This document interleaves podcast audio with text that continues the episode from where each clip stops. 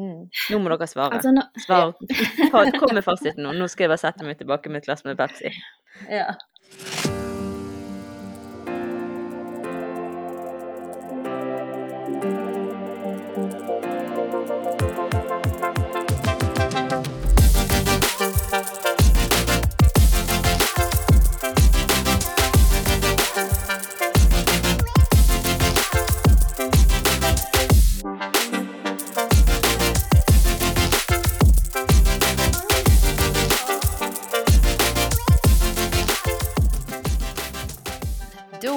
Vil jeg ønske alle hjertelig velkommen til Mammas hjerte-podkast. Utrolig kjekt at du vil eh, henge med oss i en halvtimes tid. Vi prøver å holde oss innenfor tiden. at du sier det sånn i starten nå, sånn at liksom Da har vi må holde oss til det. bordet, bordet fanger. Ja, jeg, jeg, jeg, jeg taler ut det jeg vil ha, så, så blir det lettere å holde det òg. Nei, men vi har en veldig veldig spennende gjest og en veldig sterk og spennende historie å, å dele med dere i dag. Men jeg vil bare lese en tilbakemelding som vi får. Vi får jo tikken inn her til stadighet, og det er så koselig. Men her, og, og, og fordi at tingen er da at Inger Nette har jo fått mye skryt opp igjennom, eh, og denne gangen er det jeg som får skryten. Så den må Jeg jeg bare får nødt kun til å én skryter. Jeg får kun at jeg er morsom. Jeg vet ikke, Det er ikke sikkert at jeg har liksom noe lurt å si. Jeg er bare morsom. Bare sånn gøy. Nei, Gøy men du har, du har nå fått den at du har eh, Det har vært eh, Å, du, du eh, Endelig noen som snakker mitt språk og sånne ting. Så ja. Jeg forstår ting som vi bedre. ja. Nei, men her er det en som skriver eh, Jeg har bare lyst til å takke for jobben dere gjør. Jeg syns du, Katrine, har en beundringsverdig evne til å gi Ingrid Anette den skryten hun får fra lytterne. Hører du?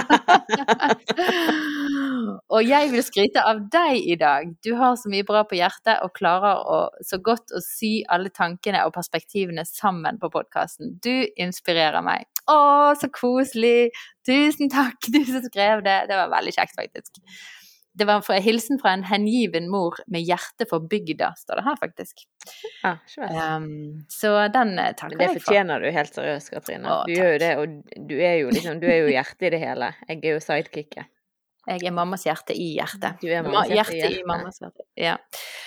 Nei, men eh, Så det, det var veldig veldig kjekt, så tusen takk. Fortsett å skrive send inn. Men, eh, men vi, må, vi kan ikke drøse mer. Nå må vi nødt til å presentere gjesten vår, for dette, det, er, det er veldig spesielt og veldig kjekt å få lov å ha Eileen med oss her. Hjertelig velkommen, Eileen, til vår podkast. Takk. Tusen takk for at jeg får være med.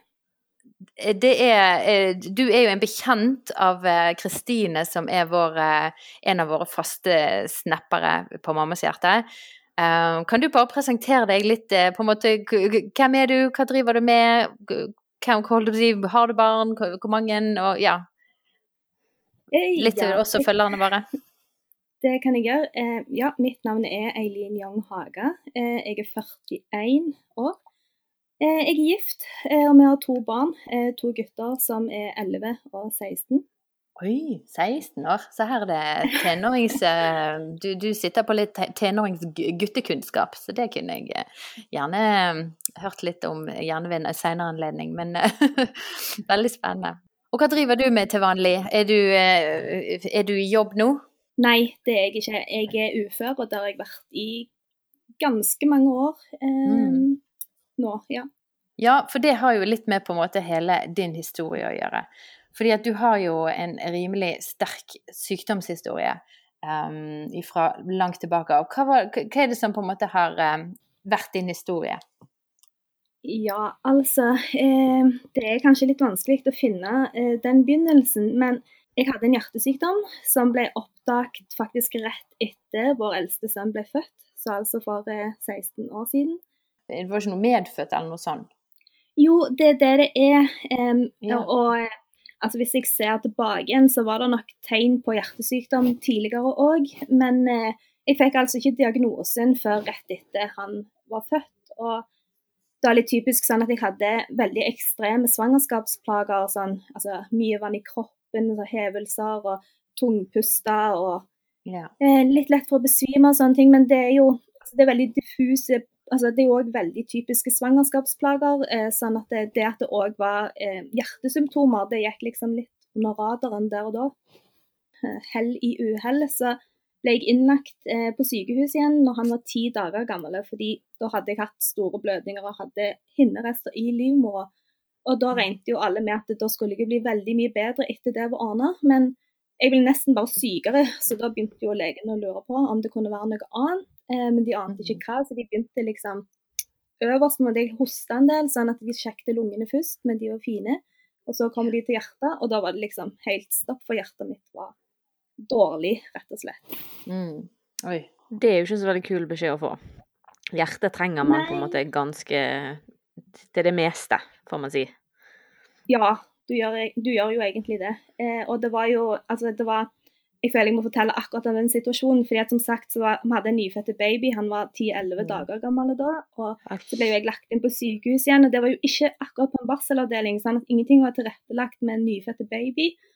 Og så sleit vi litt med ammingen, og jeg hadde altså en sånn venekateter i hver hånd, så jeg hadde eh, antibiotika i den ene hånda og blodoverføring i den andre. Så skulle jeg liksom prøve å legge til denne nyfødte Mm. babyen, og alle som har slitt med amming, vet at det er vanskelig. Det er stress nok fra før av Ja. uten Ikke sant, ikke sant.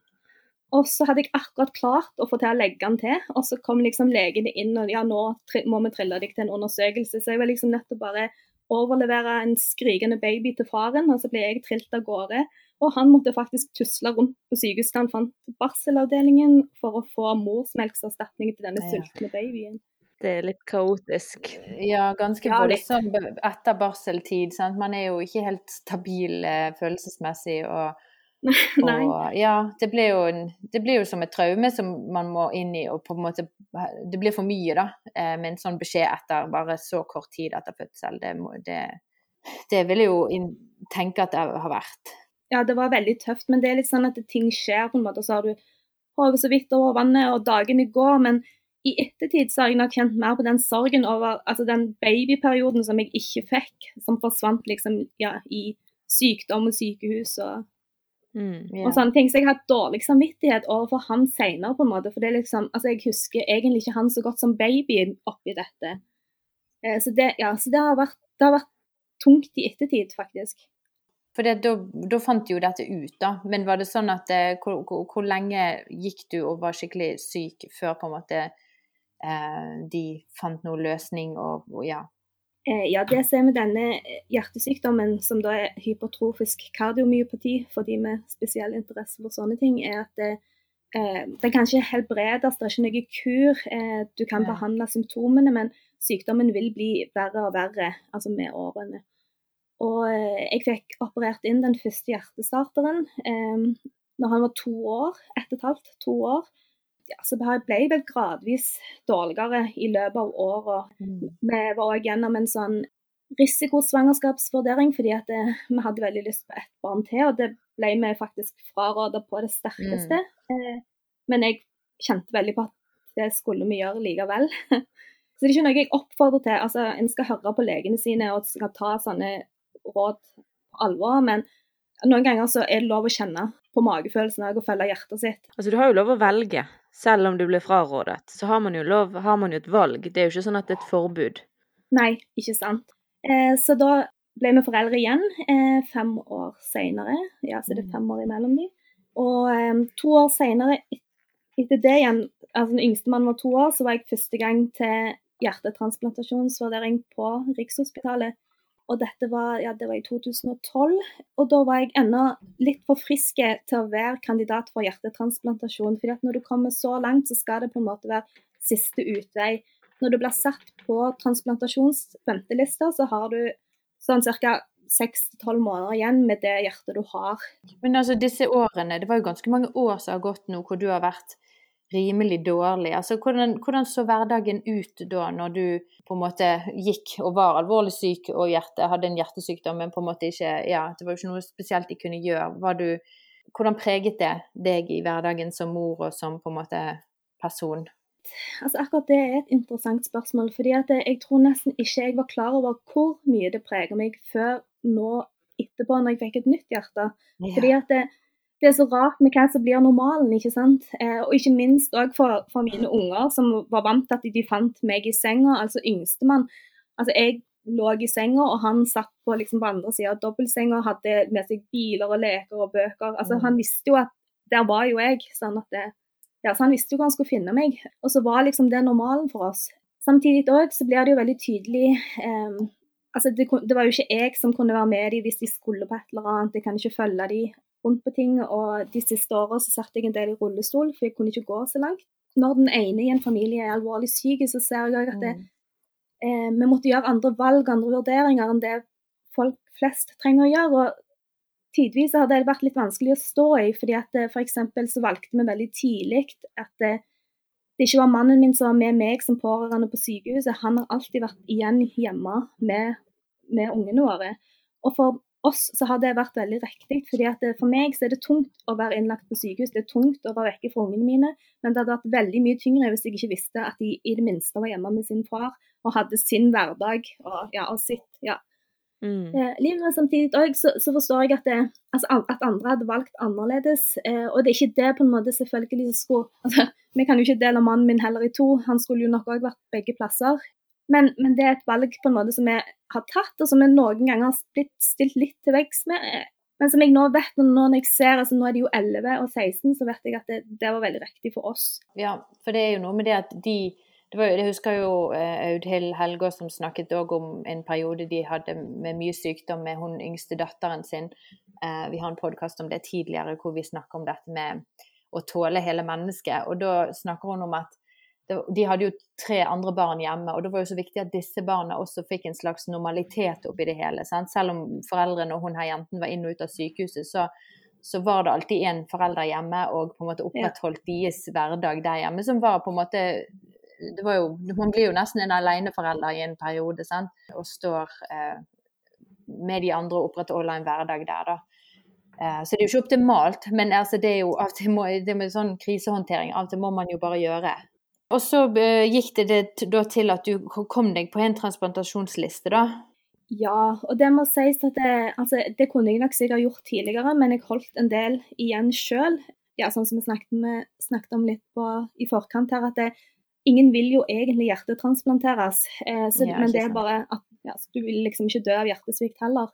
Men det satt langt inne for meg, og det er nok noe med det at det, eh, det var veldig mange som kom og sa til meg at jo, men tenk så bra det kan bli, liksom, så kan du være nesten frisk etterpå, eller leve som nesten frisk. Men jeg hadde jo vært syk i så mange år at det var veldig vanskelig for meg å se for meg hva den endringen faktisk skulle bestå i. Ja, sånn at det, det, det, tok, det, tok, tid for meg å bli mentalt klar, og hvis jeg skal være helt ærlig, så vet jeg ikke om jeg var det heller når dagen kom, men eh, Det er ikke så veldig lett å bli klar til noe sånt sånn helt klar. Nei. Det er jo ganske heftig ting. Og skjønner jo det at det, på en måte, det er lettere kanskje å sette seg inn i hva når du har vært syk så lenge, sant? det er lettere å sette seg inn i hva du egentlig skal gjennom. Sant? At du skal liksom Ja, jeg har ikke gå i detalj her for de sarte, men altså, man skal jo bytte ut et hjerte. Eh, ja. og, det er jo sikkert kjempelang opptreningstid, og, og, det er risiko, stor risiko, vil jeg tro, med den operasjonen. sant, og, og det når man har mm. unger, sant, og skulle legge seg under kniven på den måten uten å vite om man kommer til å våkne opp igjen, sant, det er jo Åh, guri. Det er heftige saker. Ja, eh, og det som er litt spesielt med hjertetransplantasjon eller organtransplantasjon generelt, det er at det, som regel altså Dette kan jo ikke planlegges. Eh, hvis det dukker opp en donor som er en god match, så ringer de for Rikshospitalet, og da har du veldig få timer på å komme deg til Oslo og være klar for operasjon. Og den telefonen kunne jo komme hvor tid som helst på døgnet. Jeg måtte ha telefonen på hele døgnet, for du vet jo ikke om det skjer midt på natta eller jeg visste ikke om det kom til å skje mens ungene var på skolen, eh, om jeg da kom til å få tid altså, til å hente dem og si ha det. Altså, det, det, er så lite du kan forberede deg på, og ikke minst forberede de på. at De var jo ja, Hvor gamle var de da? 9 og 14? Når de er så gamle, så, så, forstår jo de så mye av hva som foregår. Ja, Hvordan på en måte snakket dere om på en måte sykdom med de? Eh, klarte de å forstå alvorligheten av det liksom i, i situasjonen? Barn er jo litt sånn at på en måte de, de forstår noe, men gjerne ikke alt. Og i hvert fall ikke de ti første årene. sant, at uh... mm. Ja, det har jo vært litt sånn for oss at eh, nå har jo jeg vært alvorlig syk, og jeg har i grunnen vært det hele ungen i sitt liv, så de har ikke egentlig visst om noe annet heller. Eh, men det er jo litt sånn at vi har jo ikke kunnet skåne våre unger for ting som de aller fleste foreldre tenker at nei, dette er ungene for små til å forholde seg til. Dette, altså, ja mens det har vært vår hverdag. Jeg skulle jo òg ønske at ungene mine ikke hadde denne erfaringen. Samtidig så ser jeg at det, kanskje tåler de nok mer enn det vi gjerne hadde trodd på forhånd. Kanskje forstår de nok mer enn det vi hadde trodd på forhånd. De har vært vitne til at jeg har hatt det tøft, jeg har hatt det vondt, jeg har vært redd, altså, eh, lei meg. Eh, alle disse tingene. Men så ser jeg òg på en måte at det, de har hatt sitt håp, de har hatt sine tanker og sine drømmer. altså Uavhengig av det òg. Og det tenker jeg at det er jo det som er så fantastisk med barn, og, den, og måten de forholder seg til livet på.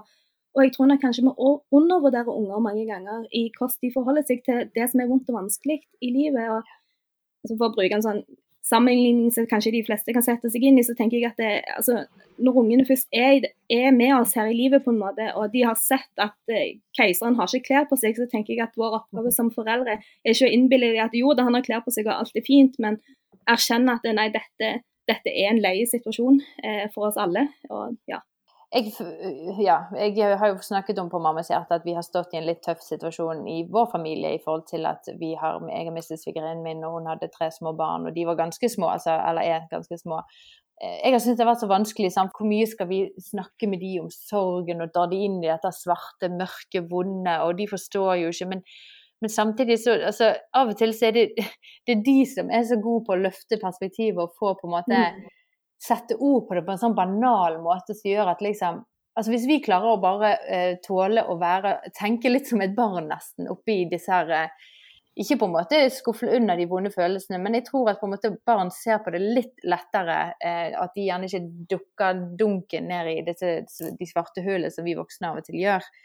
som i hvert fall jeg kjenner jeg lett kan gjøre. Men så ser jeg på de, og, og de snakker om det som om at ja, det var så fantastisk sitat, jeg må bare nødt til å si det. Det var hun eh, midterste, hun er fem år gammel, eh, datteren til min svigerinne. Så når vi da senker ned kisten, sant? og det er grusomt for et barn de forstår, forstår, de det? Forstår de hva som skjer når du da faktisk eh, Nå, nå tar vi et siste farvel, sant? Og, og da eh, sier hun det så enkelt og banalt. Og det er bare sånn her Er det mulig, liksom? Og da sier hun at bare helt sånn, ja, Når vi pleier å ha en skatt, så, så legger vi de i en, en, kiste og så graver vi de ned, for da skal vi passe på de, sant? Og det er det vi har gjort nå. Nå har vi lagt vår skatt i denne kisten, og så graver vi den ned. Og det var sånn Å, herlighet! Det er så banalt og så enkelt, men samtidig er det bare sånn utrolig dypt. Og eh, jeg bare syns det var ja, Jeg kunne ikke sagt det noe bedre sjøl, altså. Så det var bare Unger har av og til et perspektiv på de tingene som på en måte jeg tror vi undervurderer litt. da. Og så skal ikke vi komplisere det med alle våre voksne tanker, og vi er så redd for og vi skal skåne de, men på en måte mm.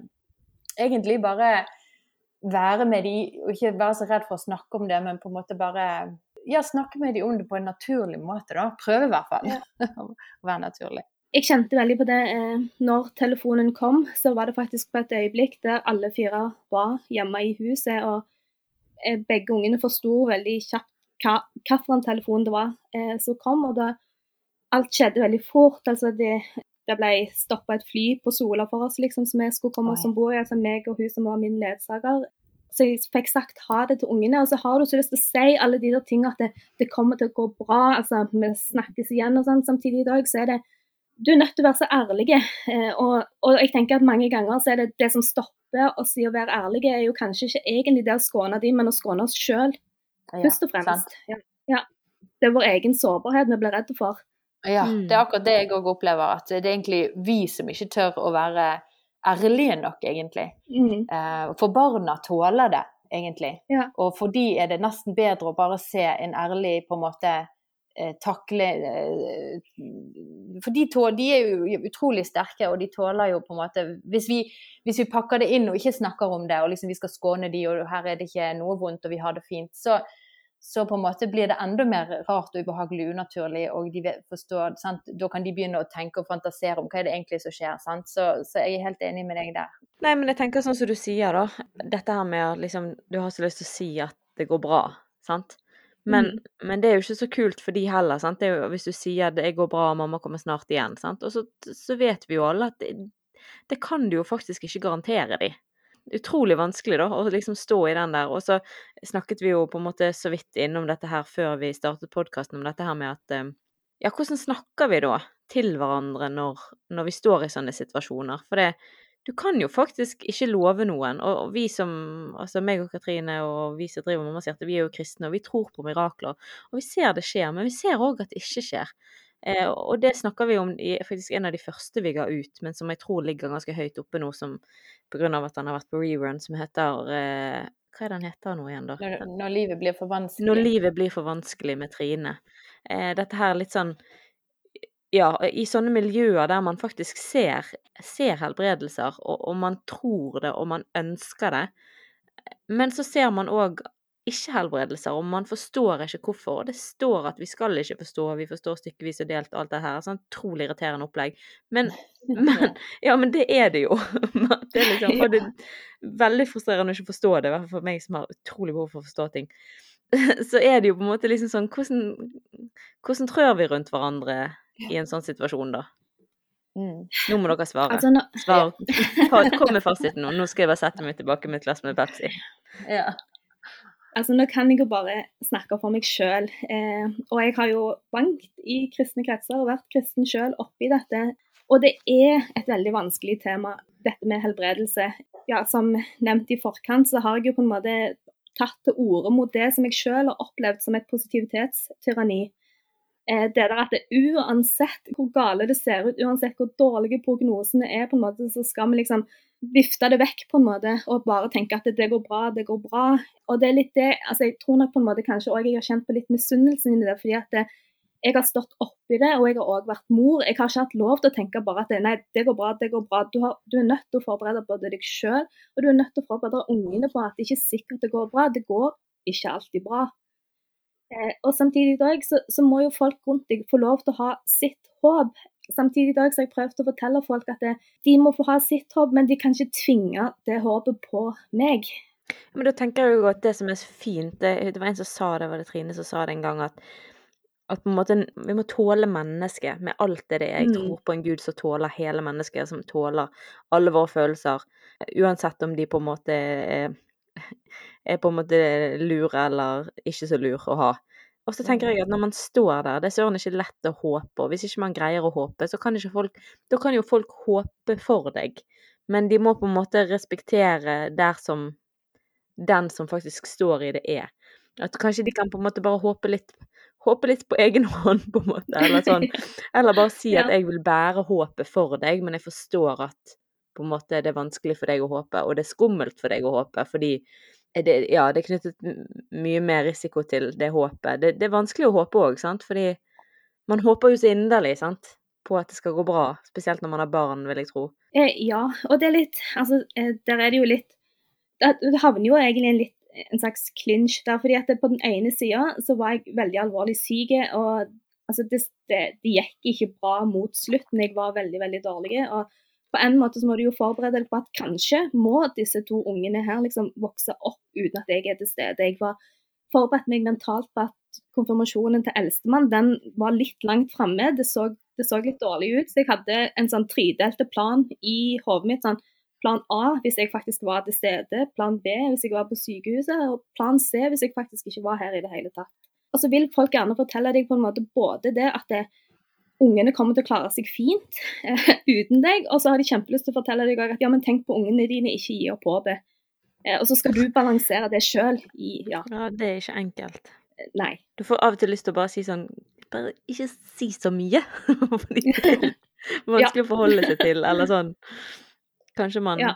Jeg opplever at det er mange som har behov for at folk ikke bare går der oppe og sier eh, det kommer til å gå bra, jeg ber for deg. Eh, det er veldig flott, og det er mange som òg skal gjøre det, og, og jeg bærer håpet for deg. Men jeg har òg en opplevelse av at vi trenger folk som òg eh, tør å ta det steget inn i skiten til folk, og på en måte står der i kjelleren med folk og bare sånn Du, jeg er her, jeg sitter her. Jeg, hvis, hvis, du, hvis, du, ikke er her på konfirmasjon, så kommer jeg til å steppe inn og, og gjøre alt jeg kan. Og liksom virkelig bare gå inn i driten. For dette, Ellers så blir man så aleine der, da ja, vi kristne vi tror på noe annet, men vi må òg kunne være til stede med mennesket her og nå. Eh, og jeg tror at den, den spenningen der, eh, den er dødsvond å stå i. Og det er ikke alle gjerne som har energi, kapasitet og ork til å gjøre det, men jeg tror noen, og jeg kjenner i hvert fall jeg, har veldig hjerte for å, å gå inn der med folk, da. Vi trenger å lære oss da, hvordan vi oppfører oss i det, i det mørket, på en måte. Det er jo egentlig det. At jeg tror det er veldig mange som ikke i vond vilje, men som rett og slett ikke vet hvordan de skal oppføre seg i det mørke. Jeg vet ikke sikkert om jeg vet det sjøl heller, men, men, sånn som du sier, da, at liksom Kanskje du hadde trengt noen som sa sånn Skal jeg hjelpe deg å organisere de tre alternativene? Og så bare sånn Nå håper vi for alternativ én, men hva trenger du hvis det blir alternativ to eller tre? Sant? Altså at vi tør å være der.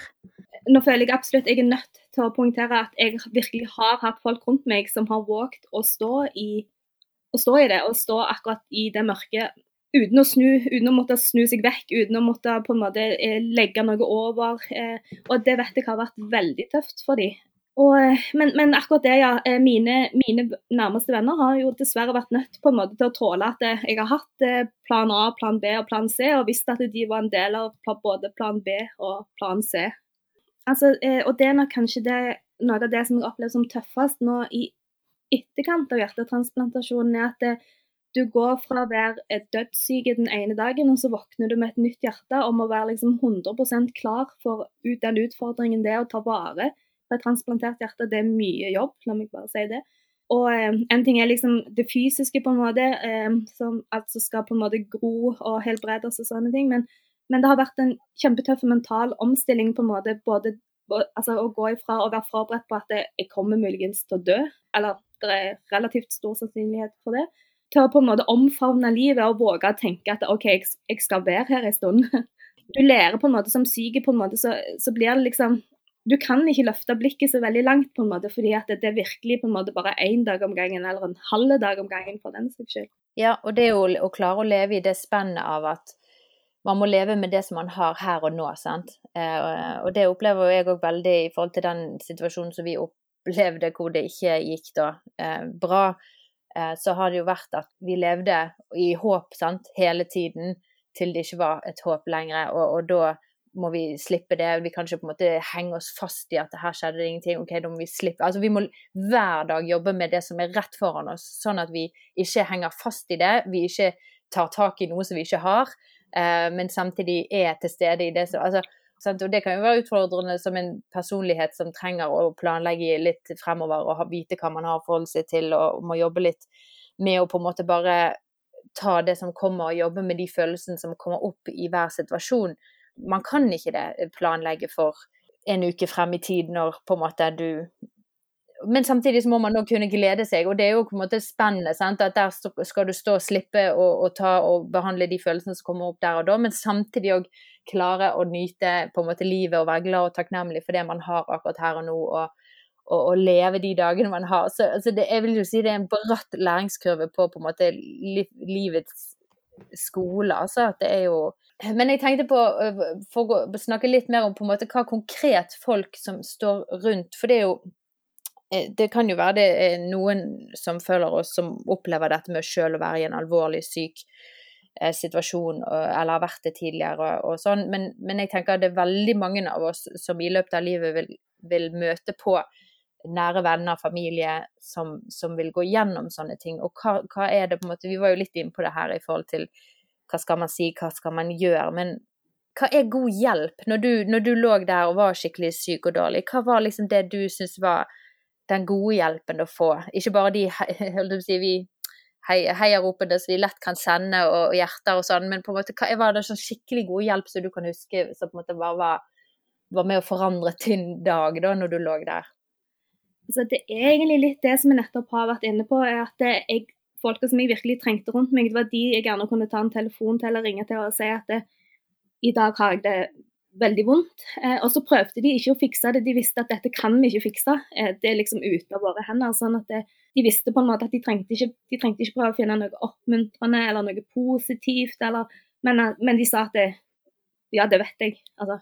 Eh, og ofte så sa folk til meg, altså beklager folk på en måte at de visste ikke hva de skulle si, eller jeg vet ikke hva jeg skal si, men for meg så var ofte det det letteste, fordi at det, er litt sånn at det, de som kanskje tror at nå sier jeg noe veldig oppbyggelig eller oppmuntrende, så, så, kommer alltid de ordene med en forventning om at de skal ha en effekt på deg i tillegg, hvis det er mulig å forstå hva jeg mener. Jo, jeg skjønner hva du mener. Ja, at at da skal du de, Ja, at de, de, legger en forventning over på deg, hvordan du skal da respondere, eller på en måte hvordan, Ja. Mm. Eh, og jeg merket det allerede eh, ja, når jeg da var høyrisikogravid med andre mann, eh, så visste vi Altså, Legene var veldig skeptiske, og jeg visste at jeg fikk ikke lov å gå lenger enn 34. svangerskapsuke. Da kom fødselen til å bli satt i gang. Så, vi forberedte oss jo på å få en prematur baby. Og da hjalp det meg så lite med de som hadde veldig lyst til å si at å, ja, men ikke bekymre deg for det, liksom. Eller plutselig så går du til termin likevel, eller Fordi at det, for meg så, så trengte jeg de på en måte som var villige til å stå med meg og si at OK, nå får vi en prematur baby. Altså hvordan forbereder vi oss best mulig på det? Og det er litt akkurat det ja, med, med realismen. Eh, vi må ha håp, og vi må ha drømmer, og vi må våge å glede oss over det som er. Eh, og, og, glede oss til ting som vi håper at skal komme. Men eh, her og nå, og altså dagen i dag, eh, så var det sånn at vi visste at jeg var alvorlig syk, og at jeg sto på ei hjertetransplantasjonsliste, og vi visste ikke om telefonen kom til å komme tidsnok. Ja, sånn at det, eh, der og da så var dagene tøffe, og de var tunge. Og det var ikke bare for meg, men òg for de rundt meg.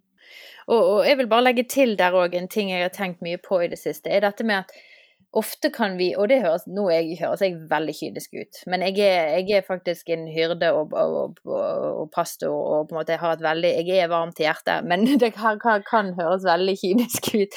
Men eh, av og til kan folk gjøre og si ting nesten for sin egen prosessering og bearbeiding. Mm.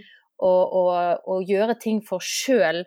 Egentlig for å få det bedre sjøl, men det, det, vil egentlig bare tynge den personen som faktisk står i krisen og den vanskelige situasjonen, eh, sånn som deg her i dette tilfellet, da, som var syk. F.eks. at du kommer da og eh, du lesser din Det jeg opplevd gjerne i, i, min bror sitt tilfelle, da, hvor han, han, er så sterk, han er så fantastisk og står så oppreist i, i møte med alle. I barnehagemøter, i skolemøter, i begravelse, overalt. Så bare står han som en sånn her bautastein. Sant? Og jeg vet at han bryter sammen når han må det. Men det er liksom sånn, da trenger ikke han at hele verden kommer og bryter sammen rundt øh, halsen på han, på en måte. For det, det hjelper ikke han. Det hjelper kanskje de andre i sine sorgprosesser. Den, er på gren, det er på grensen til ufint. Unnskyld meg. Men altså, nå må vi fortsette bare et lite øyeblikk og bare le av at du måtte ha en sånn lang tale om hvor varm du var, for å, for å si ting som jeg sier helt til dagen. Det viser at du er varm, bare for å bevise ja. det. på en måte. Nei, men jeg blir, jeg blir støtta av folk som på en måte da egentlig går eh, og gjør ting og sier ting, og på en måte Det hjelper ikke han. Det er egentlig bare for at de skal føle at de gjør noe, de føler at de, de må gjøre noe. Men den følelsen er jo for å på en måte eh, gjøre seg sjøl gladere, eller føle at de har bidratt med noe. Men hjelper det faktisk de som står i det? sant? Og eh, Nå, nå snak, tok jeg det veldig inn i vår situasjon, men altså, det samme gjelder jo kanskje deg, hvor på en måte hva er det egentlig du trenger? Og det er ikke noe som er vår det, Folk rundt må ikke tenke det som det er noe som åh, nå skal jeg bake boller. Kanskje ikke det er boller du trenger, da, men du trenger noen som bare kan være realistisk med deg og på en måte tørre å si liksom ja, OK, sånn, sånn, sånn, eller sant? Min bror han, han, trenger ikke at folk som kommer og så snakker og skal være psykolog med han. Han trenger folk å løpe på Ulriken med liksom, og gå fjellturer med. Og da kan ikke jeg komme der og leke pastor og sitte og liksom må, hvordan går det egentlig med deg? Jeg må slutte å spørre det spørsmålet, for det, det hjelper ikke han. Det hjelper meg. vi trenger å spørre folk hva de trenger. Ja. Mm. Det er det vi må gjøre, ja. faktisk. Ja. Så det var litt min rant til ja. Altså, eh, folk er jo veldig forskjellige, eh, sånn, og jeg tenker at det, selvfølgelig forstår jeg at det, det, det, kan være vanskelig for folk rundt òg å vite hva som er rett, men jeg er jo enig i din eh, opplevelse av at mange ganger så er det sine egne følelser og sin egen opplevelse folk først og fremst behandler. Og jeg tror på en måte Altså, jeg, jeg merker jo godt forskjell på en måte på den omsorgen og interessen på en måte som handler om meg, og den som faktisk handler om folk sjøl og deres opplevelse av å, av å, stå nært et menneske som er alvorlig syk. Og når det er sagt, så tenker jeg òg at det, eh, altså, eh, For å snakke ut ifra eh, opplevelsen av å være kristen oppi dette, så tenker jeg òg at det, fordi om jeg vet at det er mange andre eh, opplever det som veldig godt, med det, så, det, så oppleves det traumatisk for meg. måte Alle som hadde så veldig lyst til å være veldig tydelige på at de ba for meg. Jeg tenker, jeg satte veldig stor pris på at folk ba, men jeg ville helst ikke at de skulle stå liksom 20 eh, cm fra meg og ha hendene på meg. Og det er litt, altså, eh, jeg tenker at det, bønn sånn som eh, altså, tenker jeg, eh, Det er jo ikke verken Gud eller meg var avhengig av at de skulle stå rett ved siden av meg og ta på meg, at det skulle være veldig tydelig at jeg ble bedt for. Jeg tenker at det, de bønnene som ble bedt måtte, hadde funka like godt fra andre sida av salen. Ja, ikke sant. Eh, ja. Amen til det, altså. ja, mens der opplevde jeg ofte at det, altså, Og det er litt sånn altså det der positivitetstyranni på en måte, at det, som syk på en måte, så blir det liksom litt forventa at det, du skal bare ta imot på en måte. Alle som på en måte har lyst til å gi deg noe, må du jo selvfølgelig bare være takknemlige for. Så ja, så ja vær gjerne litt sånn lydhør overfor hva akkurat denne personen føler sjøl at han trenger. Veldig bra sagt, altså. Vær litt lydhør. Og, og av og til så handler det om å ikke alltid løpe bort og ja, og så er det jo Altså, kjenner jeg blir litt irritert inni meg. Ikke på deg, men altså Unnskyld meg, men det står faktisk i Bibelen dette her med at eh, de som eh, At du skal gå på ditt lønnkammer og be. Og det er litt samme greien her. Altså, sant, hvor slitsomt er det ikke hvis du skal måtte ta imot eh, Nei. Nei. Nei. Nei, jeg skjønner det veldig godt, men dette må vi faktisk Her må vi liksom dette, Kjærlighet må jo være å på en måte møte den andre sine eh, på en måte ønsker og, og, behov. Yes. og behov, da. Sant? Ikke, ikke å, å, på en måte Ja. Jeg var jo syk i, i veldig mange år, eh, og jeg har hatt utallige folk som har bedt for meg, og hatt, som har hatt veldig tro på at, eh, de, at akkurat gjerne de skal be meg til helbredelse. Men det jeg har opplevd gang på gang på gang, er at det, deres skuffelse over den manglende helbredelsen, det er veldig vanskelig å skille mellom skuffelse over det og skuffelse over meg. Det, det er jo jeg som blir sittende igjen med svarteper, på en måte. Altså, som både har alle disse skuffa forbedrerne rundt meg, og, og fremdeles er syk. Jeg tror vi trenger å rydde litt i på en måte i følelsene våre. At vi må, vi må rett og slett ta litt ansvar for våre egne følelser eh, i møte med alle mulige situasjoner. Og skille litt, sånn som du sier, sånn at det er du som blir sittende igjen og er skuffet, men de er skuffet fordi at de, de hadde lyst til at noe skulle skje, eller altså ja vi trenger å, ha kontroll på våre egne følelser og, og, håndtere de på en god måte. Det trenger vi å lære oss, tror jeg. Mm. Ja, og ikke lesse de over på andre, spesielt de som da står midt i det vonde og vanskelige, eh, men heller være lydfør. Hva kan, hva kan, jeg gjøre, hva trenger du nå? Ja, jeg trenger, jeg trenger min, at mindre folk eh, baker til meg, for det har vært veldig mye Eh, boller og kaker på døren. Frysen er full, liksom. Sånn. Eh, men, men, kanskje jeg eh, Du kan sitte barnevakt en gang, så jeg kan spille fotball. Ja, nå er jeg jo veldig inne i min greie, da, men Ja, nei, så det er jo men det er ikke en lett balansegang i For det, sånn, det der med å stå i det spennet av å faktisk tro sant? Mm. Faktisk eh, mene det som vi leser om i Bibelen, faktisk ønske det i, i rundt oss og jobbe for det, og virkelig liksom og så samtidig på en måte eh, Hvem er det vi skal være skuffet på? Gud, liksom? Eller hvordan skal det se ut? Er, er vi, eh, hvor, hvor, mye skal vi liksom være på? Jeg, og be? Skal vi ligge på våre knær natt og dag, eller skal vi hvile sånn at vi faktisk har energi til å stå når eh, vi blir spurt om å komme inn, f.eks. Eller liksom Altså, det, det, er ikke rett Frem. Det er ikke rett frem. Det er ikke rett frem, og det er ikke en lett spenning å stå i i det hele tatt. Men vi må i hvert fall ikke legge mer byrde til den som allerede bærer byrden. Hvis, skal, hvis, hvis bønn skal jo være å løfte noen, sant. Yes. Eh, og da yeah. må ikke vi liksom løfte noen samtidig som vi bare gir dem en pose med stein.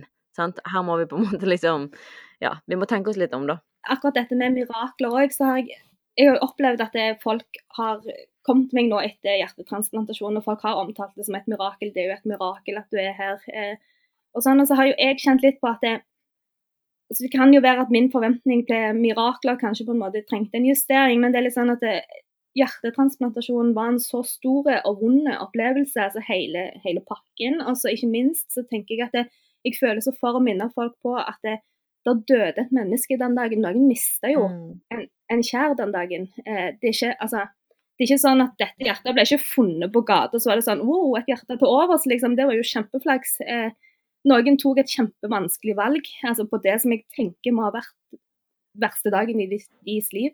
Ikke sant. Eh, ja, og ja. Det er så viktig å, å, å, få frem, altså. Det er så bra du sier det. For det er faktisk en sorgens dag for noen. Og, og hvis man skal kalle det et mirakel, så blir det ganske feil, da, i mine ører, da. Ja. Ja, altså det blir, det blir veldig tungt. Og altså, jeg tenker eh, rent egoistisk sett òg for meg å bære på en måte og tenke på en måte at jeg skal være et mirakel på noen andre sin bekostning. Og nå er det jo en gang sånn, altså hjertet, I hjertetransplantasjon så ligger det jo det at det, hvis ikke noen på en måte hadde mista livet den dagen, så hadde jo ikke jeg fått en ny sjanse til, altså, til å leve videre. Og det skal jo man være takknemlig for, tenker jeg. Ja, absolutt. absolutt. At du fikk en mulighet der, ja. Men også være på en måte å ære det og hedre det som skjedde, da. Ja, være takknemlig samtidig som man på en måte har respekt for den, det man har fått, samtidig som man eh, skulle jo ønske at man aldri trengte det. Det er mye greier her i en sånn situasjon. Det er en psykisk krevende greie. Og, og jeg, jeg, har lært mye Jeg vet ikke om det er du, Inger som har snakket mye om det der med at vi er nødt til å ha to tanker i hodet på en gang. Og jeg har brukt mye det at vi er nødt til å klare å ha to følelser i, i, i, i si, hjertet eller i magen på en gang. Altså Det handler om både å stå i den der spenningen av at du tror, du håper, du ber. Du liksom, du vil ikke gå inn i Du vil ikke akseptere døden før han er der, faktisk. Men så men så samtidig være der og på en måte være realistisk og se på det som er rundt deg, og på en måte være Det er en sånn sjonglering som jeg tror vi som lever i våre, våre kretser, eh, må, må, øve på å bare bli flinkere til å på en måte klare å holde to tanker i hodet samtidig, da. Eh, to følelser i magen, to bønner, to liksom det, eh, det er ikke bare en, ensidig, dette her. Det er ikke bare liksom Vi skal ikke bare liksom eh, gå for ene ja, nå, nå, kan jeg jo dra frem en hel undervisningsserie som vår kjære medpastor Alf Kåre hadde på søndag. Du kan bare klippe klippe vekk den der som Katrine sa i starten om denne halvtimen. I hvert fall hvis vi skal ja. begynne med hele den undervisningsserien nå. Jeg. Nei, jeg vil henvise Jeg kan henvise til Jesusfellesskapet sin podkast. Eh, der det var en som underviste om hvordan vi kunne Nei, det var veldig, veldig bra undervisning. Men det handler om å bære forskjellige perspektiver i hodet på en gang. Eh, og, det, det, og vi kristne trenger å lære det, for vi kan ikke bare gønne på på en Da, da skader vi på en annen måte og blir usunn på en annen måte. Så så det du, du, det du, forteller her, det er liksom bare akkurat det i levd liv, da, eh, egentlig. Så ja.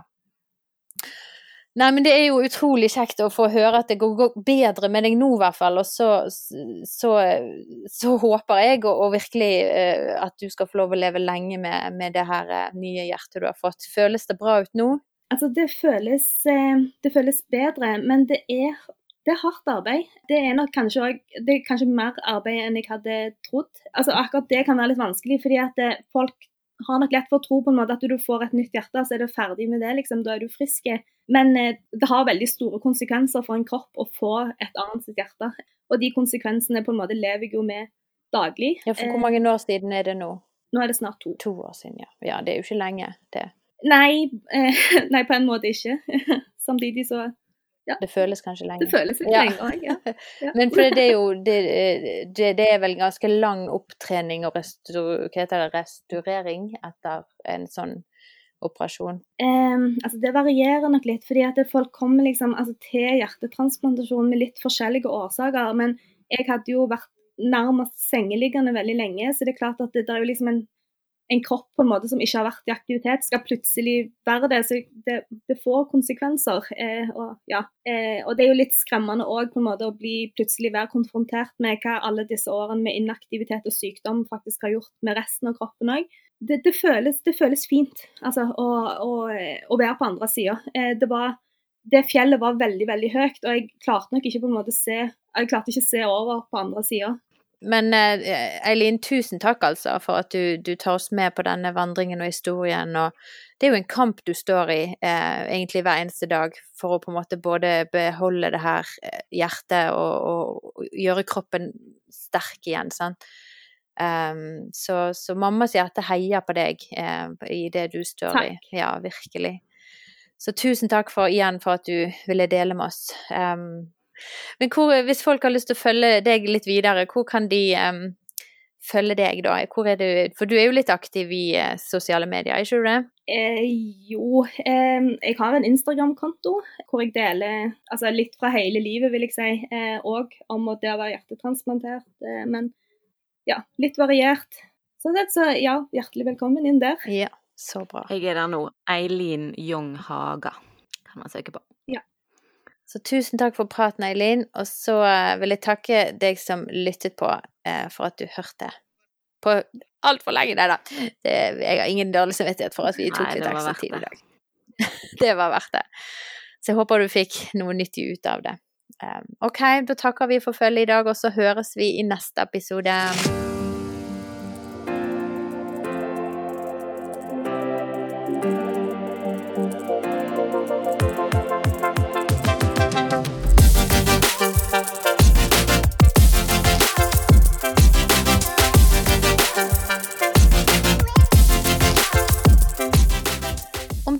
Tilbakemeldinger, tanker eller spørsmål etter det vi har snakket om i dag, så skriv inn til post alfakrøll mammashjerte.no. Vi svarer alle mail. For å lære mer om Mammas hjerte kan du besøke vår nettside mammashjerte.no.